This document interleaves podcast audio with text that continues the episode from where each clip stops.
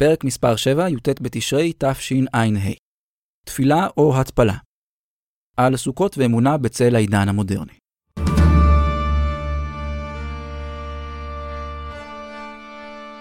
הסיפור שלנו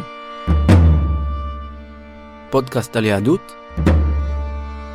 ויהודים.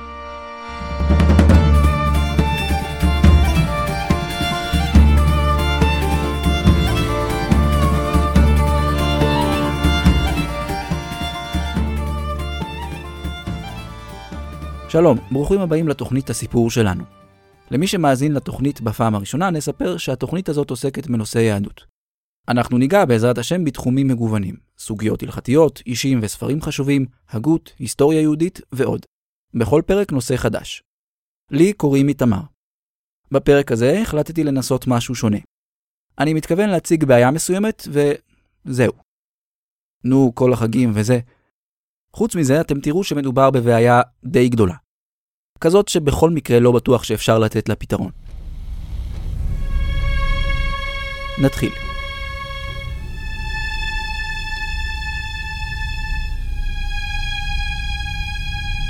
מסכת תענית עוסקת בעיקר בתעניות גשמים. בשנות בצורת, בתקופת חז"ל, בתי הדין גזרו תעניות על הציבור. בימי התעניות היו כולם צמים ומתאספים לתפילה מיוחדת לגשם.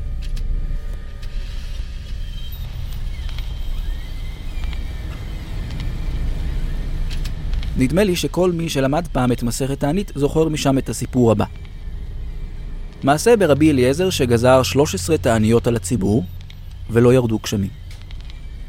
בסוף היום של התענית האחרונה, התחילו הציבור לצאת מבית הכנסת. אמר להם רבי אליעזר, תיקנתם קברים לעצמכם? גאו כל העם בבכייה, וירדו גשמים.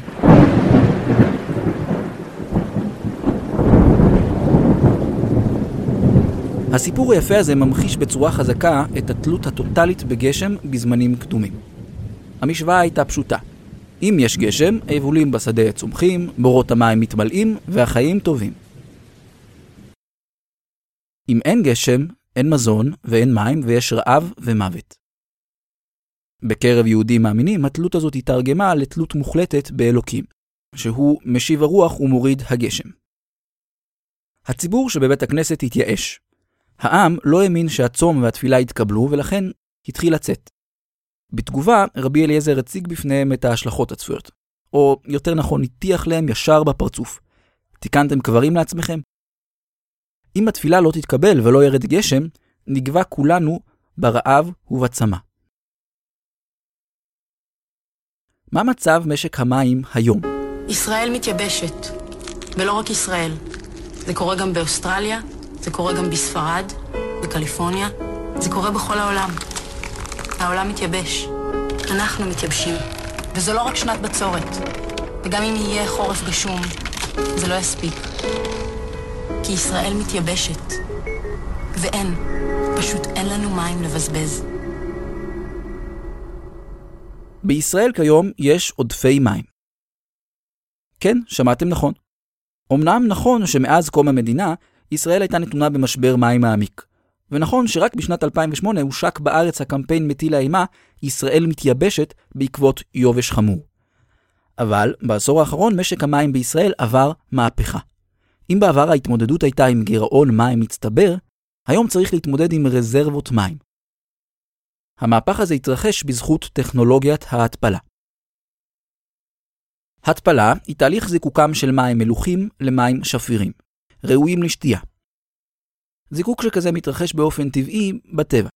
מי הים המלוכים הם תמיסה שמורכבת מממס, מים, ומומס, מלח ומינרלים. כאשר מי הים מתאדים, הם מופרדים מהמלח המומס בהם. לאחר מכן הם מתעבים, הופכים לעננים, ולבסוף מורידים גשם מתוק. על בסיס אותו עיקרון ניתן להתפיל מים באמצעות אידוי מלאכותי. משנות ה-60 הוקמו באילת מתקנים לזיקוק מים באמצעות אידוי שסיפקו את צורכי המים של העיר. טכנולוגיית התפלה החדשנית וזולה יותר היא התפלה באמצעות אוסמוזה הפוכה, פעפוע הפוך. בתהליך הזה משתמשים בממברנה חצי חדירה. ממברנה היא קרום דק. ממברנה חצי חדירה פועלת כמעין מסנן. היא מאפשרת מעבר חלקי של חומר דרכה. מולקולות מסוימות כן, ומולקולות אחרות לא. אם מפשטים את הדברים, ההתפלה נעשית באופן הבא. מכניסים את המים המלוכים לתוך תא סגור ודוחסים אותם בלחץ גבוה. דופן אחת של התא עשויה ממברנה חצי חדירה. הממברנה מאפשרת מעבר מולקולות מים, אבל חוסמת מעבר של מלח ומומסים אחרים במים. מולקולות המים עוברות דרך הממברנה אל תא נפרד, בעוד שבתא הראשון נותרת תמיסת מלח מרוכזת שנקראת תמלחת. לשמה נחוץ הלחץ הגבוה? לחץ אוסמטי הוא כוח כימי שמתנגד לתהליך ההתפלה. הלחץ האוסמטי שואף להשוות את רמת ריכוז המומסים שנמצאים במים שמשני צידי הממברנה. כלומר להעביר מים מהתא של המים המתוקים אל התא של המים המלוכים. הלחץ שמופעל על המים נועד להתגבר על הלחץ האוסמטי. בישראל פועלים כיום ארבעה מתקני התפלה גדולים, באשקלון, בפלמחים, בחדרה ובנחל סורק. בשנה הבאה עתיד להצטרף עליהם מתקן חמישי, באשדוד. כשזה יקרה, כושר הפקת המים הכולל של מתקני התפלה בארץ יעמוד על כ-600 מיליון קוב לשנה. לשם השוואה, בשנת 2012 הופקו כ-1,300 מיליון קוב מים שפירים באמצעות שאיבה ממקורות טבעיים. מתקני התפלה מסוגלים לייצר אפילו יותר מים, אבל הם אינם פועלים בתפוקה מקסימלית בשעות שבהן תעריפי החשמל גבוהים, על מנת לחסוך בעלויות. מתחילת שנת 2014 מתקני התפלה פועלים במתכונת מצומצמת. המדינה החליטה לצמצם בכ-30% את רכישת המים ממתקני התפלה. הסיבה, יש מספיק מים במאגרי המים הטבעיים, ומים שאובים זולים יותר כמובן ממים מותפלים. זאת הסיבה שגם היום צריכים להמשיך לחסוך במים. אנחנו זקוקים לעוד הרבה מים כדי לשקם את הנזק שנגרם לאקוויפרים כתוצאה משאיבת היתר במהלך השנים. גם לים המלח, לכנרת, לירדן ולנחלים אחרים לא תזיק תוספת מים. ככל שהצריכה תהיה נמוכה יותר, ניתן יהיה לעשות זאת בצורה מהירה וזולה יותר. החורף האחרון, כזכור, היה יבש במיוחד. ישראל אומנם לא תתייבש כתוצאה מכך, אבל עדיין, חבל על כל טיפה. בזכות ההתפלה, בישראל המועדת לבצורות יש כיום משק מים יציב עם עתודות מים. זאת הבעיה שרציתי לדבר עליה. בעיה? למה בעיה? זה הרי מצב מצוין. אנחנו יכולים לדאוג בעצמנו למים ולא צריכים יותר את אלוקים. כן, זאת בדיוק הבעיה. חוויית התלות באלוקים היא אחת מהיסודות של החיים הדתיים. תפקידה הוא להביא את האדם להכרה שעליו להיות עבד נאמן לאלוקיו ולקיים בהכנעה את מצוותיו. בתורה כתוב שאלוקים מביא את עם ישראל לארץ ישראל דווקא בגלל שהחיים בארץ תלויים בגשם. כי הארץ אשר אתה בא שמה לרשתה, לא כארץ מצרים היא, אשר יצאתם משם, אשר תזרע את זרעך והשקית ברגלך כגן הירק. והארץ אשר אתם עוברים שמה לרשתה, ארץ הרים ובקעות. למטר השמיים תשתה מים. במצרים יש אספקה קבועה של מים לשתייה ולחקלאות מהנילוס. לעומת זאת, אספקת המים בארץ ישראל איננה מובטחת. ארץ ישראל נמצאת תמיד תחת השגחתו של אלוקים. ארץ אשר השם אלוקיך דורש אותה, תמיד עיני השם אלוקיך בה, מראשית השנה ועד אחרית שנה. אלוקים כביכול יושב על השיבר ובוחן איך עם ישראל מתנהג. אם ישראל הולכים בדרך הישר, הוא נותן גשם. אם לא, לא. הנושא של הפרק הוא בעיית חוסר הנוכחות של אלוקים בעולם המודרני, או בעיית האמונה בעולם המודרני. זאת לא בעיה שהתחילה עם הקמת מתקני התפלה בחדרה ובאשקלון. הרי גם כשהתשדירים ברדיו ובטלוויזיה צעקו שישראל מתייבשת ושאין לנו מים לבזבז, לא היה מדובר במצוקה קיומית כמו בתקופת התנ"ך וכמו בימיו של רבי אליעזר. במצב הכי גרוע היו מפסיקים להתקלח ולעשות כביסה. לא נעים, אבל גם לא סכנת מוות. זאת לא אותה רמת תלות באלוקים. טכנולוגיית ההתפלה היא חלק מקבוצת טכנולוגיות מים, טכנולוגיות ששינו מקצה אל קצה את היכולת האנושית להתמודד עם מחסור במים. הראשונה מביניהן נראית היום מובנת מאליה. הכוונה לעצם היכולת לשאוב ולשנע מים ללא תלות בתנאים הטופוגרפיים. בישראל כיום פועלות טכנולוגיית עצירת מי שיטפונות, טכנולוגיית טיהור מי שפכים למי קולחין המשמשים לחקלאות, וטכנולוגיות שונות לחיסכון במים. נעשו אפילו כמה ניסיונות מוצלחים לזריעת עננים. כשאדם מסוגל לשנע כמויות של מים, למחזר מים, לייצר מים, ואפילו להוריד קצת גשם, מה קורה ליחס שלו לאלוקים? הרב שמעון גרשון רוזנברג, זיכרונו לברכה, היה אחד ההוגים היהודים החשובים במחצית השנייה של המאה ה-20. הוא מוכר בשם הרב שגר. הוא נפטר בטרם עת בשנת 2007.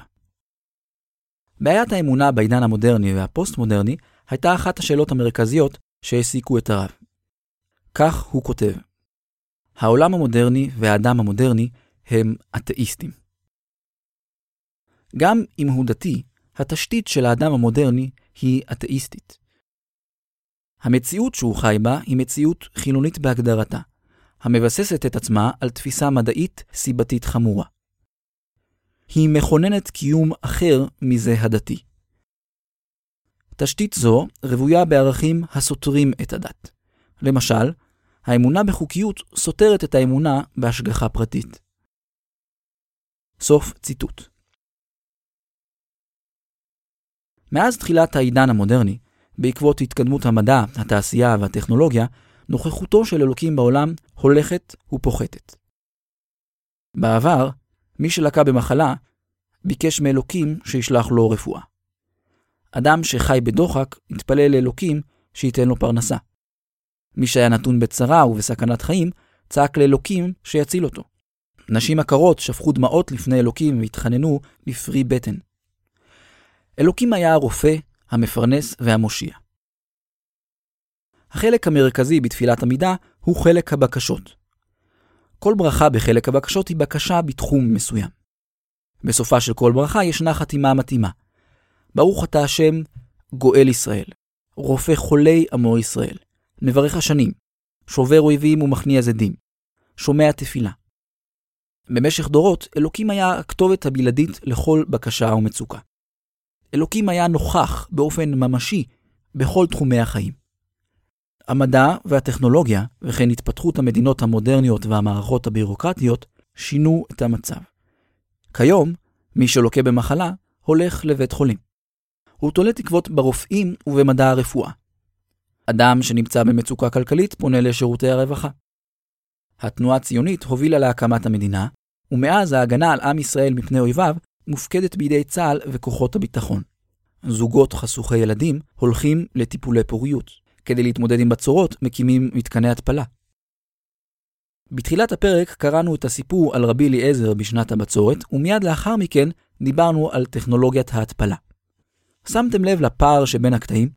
אלו שני דפוסי חשיבה והתנהגות שונים לחלוטין. האווירה שונה לגמרי. בקטע הראשון האדם פסיבי וחסר אונים, ומתחנן לאלוקים שיושיע אותו.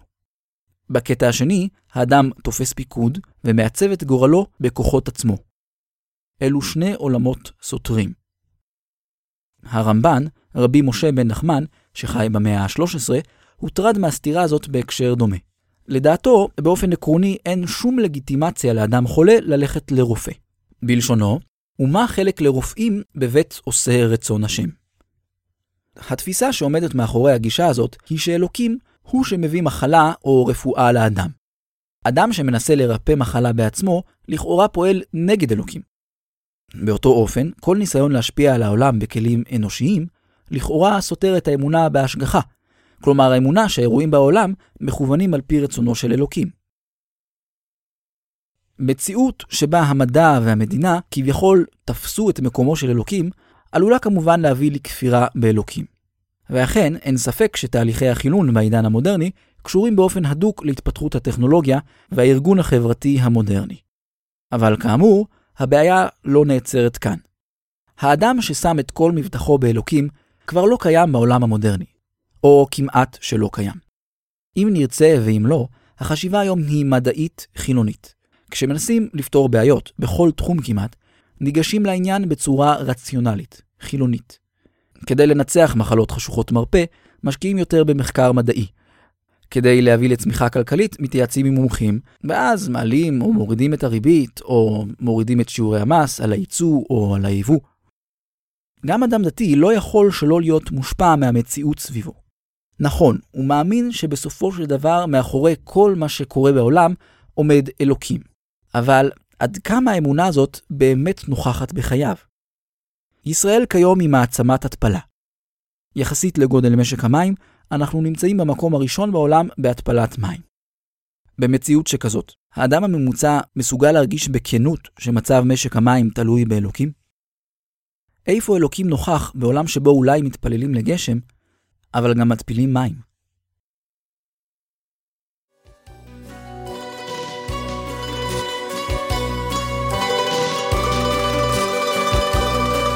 אני יודע שהשיר רק חצי קשור לכאן, אבל אנחנו צריכים עכשיו הפסקה להתאווררות, וזה גם אחלה שיר שממש מתאים לתקופה. כמו חצר להתבצר במעבה האדמה, ולחכות לסיומה של העונה הכי חמה. ואחר כך להיתמר, וכעמוד עשן לבן שמועה טובה להעביר, שהחגים כבר באוויר. וכמו ענן להתגשם מעל חלקת שדה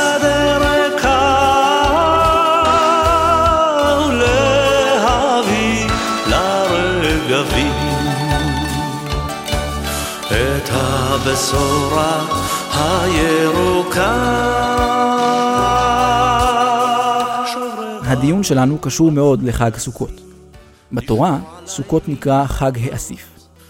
השם הזה מלמד על הפן החקלאי של סוכות. חג סוכות נמצא בסוף השנה החקלאית, בזמן שבו גומרים לאסוף את היבולים מהשדה. עונת הגשמים הבאה בפתח. זה הזמן להתחיל לשאול, כלומר לבקש, על הגשם. המשנה במסכת ראש השנה קובעת שבסוכות אלוקים קובע מה תהיה כמות הגשם שתרד במשך השנה. ובלשון המשנה, ובחג נידונין על המים. אצל חז"ל, כשאומרים חג סתם, הכוונה לחג סוכות. ובאמת, החג החגיגי והססגוני ביותר הוא חג סוכות. חג סוכות בזמן בית המקדש היה חגיגה לא נורמלית. בלילות חול המועד של סוכות הייתה נערכת בבית המקדש שמחת בית השואבה.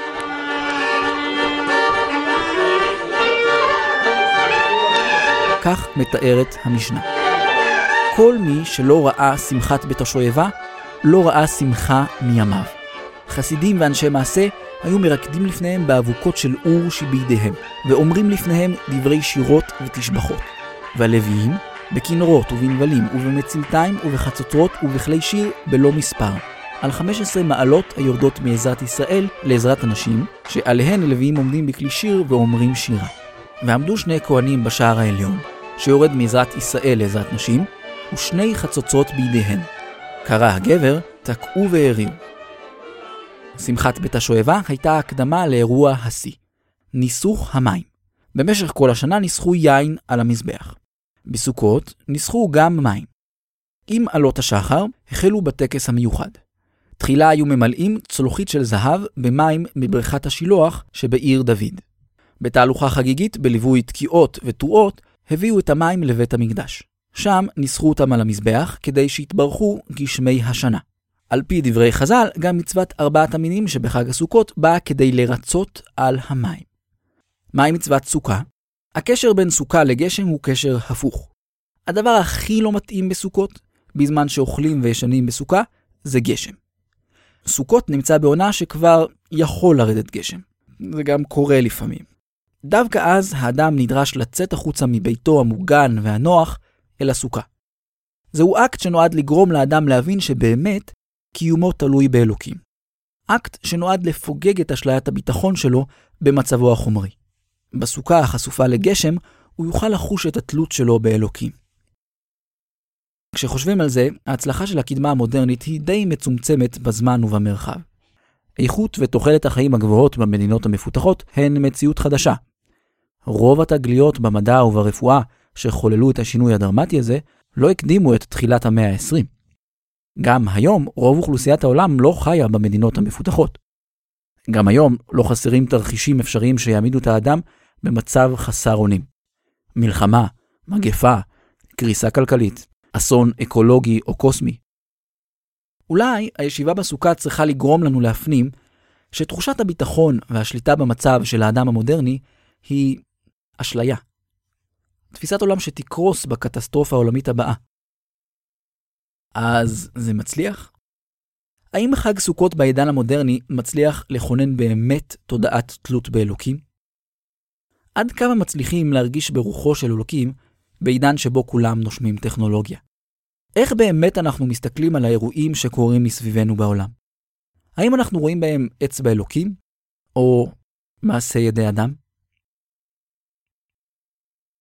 בטח יש כמה מאזינים שהפרק הזה ממש הצליח להרגיז אותם. הם בטח מתים להתפרץ לשידור ולומר, מי אמר שהיום אלוקים לא נוכח בעולם? להפך. ממש בימים אלו התפרסמה בפרק המגזין בערוץ 10 סדרת כתבות של אבישי בן חיים. הסדרה נקראת אלוקים שלי, והיא עוסקת במקומו של אלוקים בחברה הישראלית בימינו. אנחנו נאזין כעת לקטע קצר מהסדרה. בערך חצי מהחילונים מאמינים באלוהים, בערך 80 אחוז מאוכלוסיית ישראל היהודית מאמינה באלוהים. אלוהים פה, הוא לא הולך לשום מקום.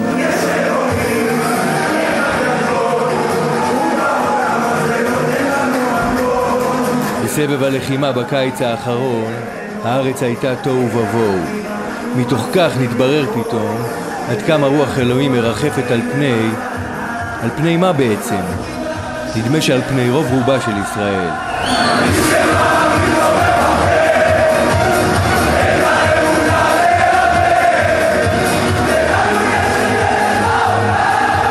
חיילי צה"ל שרו שירי אמונה, רקדו עם כיפות, הניחו תפילין, לבשו שכפ"ץ מסוג חדש, שכפ"ץ ציצית.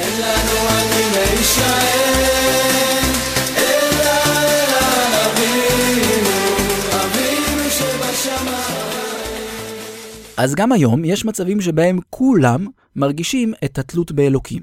גם בעולם שכבר שמע את כל הדיבורים על מות האלוהים, עדיין, לפני כניסה לניתוח או יציאה לקרב, אין אתאיסטים. כמעט. צריך שוב להדגיש, השאלה היא לא האם ברגע נתון אדם מאמין או לא. השאלה היא עד כמה האמונה בהשם נוכחת במכלול חייו של האדם. זה לא מטריד שצריך לחטוף סרטן כדי לפגוש את השם? ומה יקרה כשימצאו סוף סוף תרופה לסרטן בעזרת השם? בעזרת השם? חוץ מזה, לפנות להשם רק כשנואשים לעזרה זה קצת לא לעניין, לא? מה צריך להיות היחס להשם? מי הוא השם בעבור האדם? מדוע מוטל על אדם להיות עבד השם? איזה מקום בחיים האמונה בהשם צריכה למלא? למה החיים והעולם לא שלמים בלעדיה? מה המשמעות של האמונה בהשם?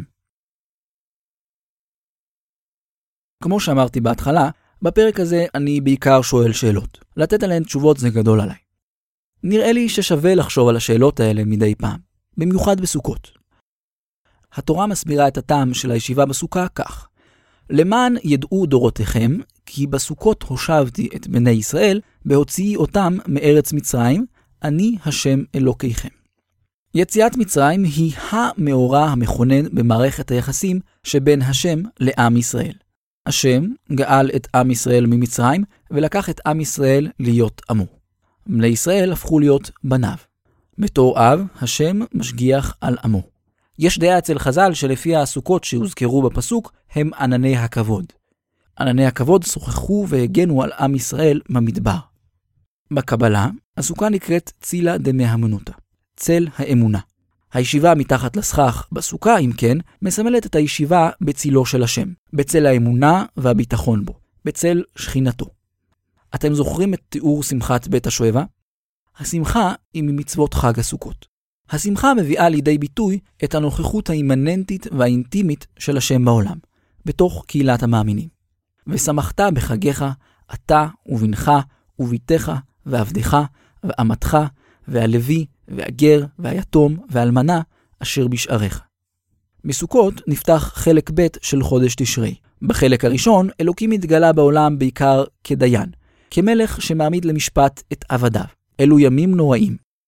בסוכות, השם מופיע בעולם בצורה אחרת. לא באופן טרנסצנדנטי, חיצוני, שמדגיש את הפער שבין השם לברואיו, אלא בצורה שבה הקרבה והשותפות בין השם לכנסת ישראל באות לידי ביטוי דומיננטי. בשפה המדרשית והקבלית, היחסים האלה מתוארים כמערכת יחסים שבין דוד ורעיה, חתן וכלה. נסיים בציטוט מהספר בצל האמונה.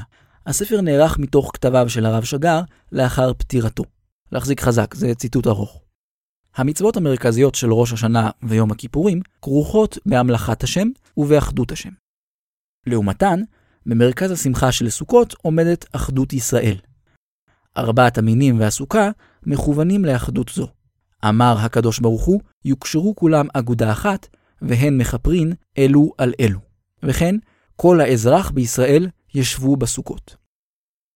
לכאורה, הייחוד הינו אקט פרטי של אמונת היחיד, אמונתו של איש האמונה הבודד. אך המהלך של חגי תשרי מלמד כי ייחוד השם תלוי באחדות ישראל, וכי אחדות זו איננה אלא המיצוי של ייחוד זה.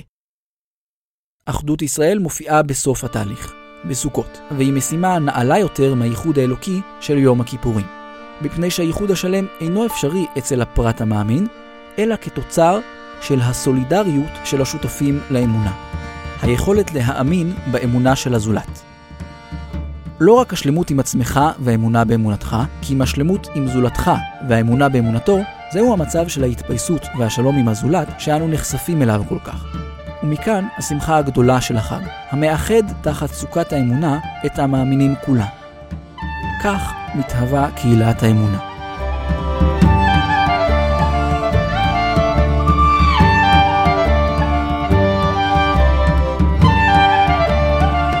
אנחנו סיימנו. לפני התודות הרגילות רציתי לומר תודה מיוחדת לרן לוי. רן לוי הוא הכותב והמגיש של התוכנית עושים היסטוריה. עושים מהיסטוריה, למי שלא מכיר, היא פודקאסט בנושא מדע, טכנולוגיה והיסטוריה. הפודקאסט המואזן ביותר בישראל. קודם כל אומר תודה בתור מאזין של עושים היסטוריה.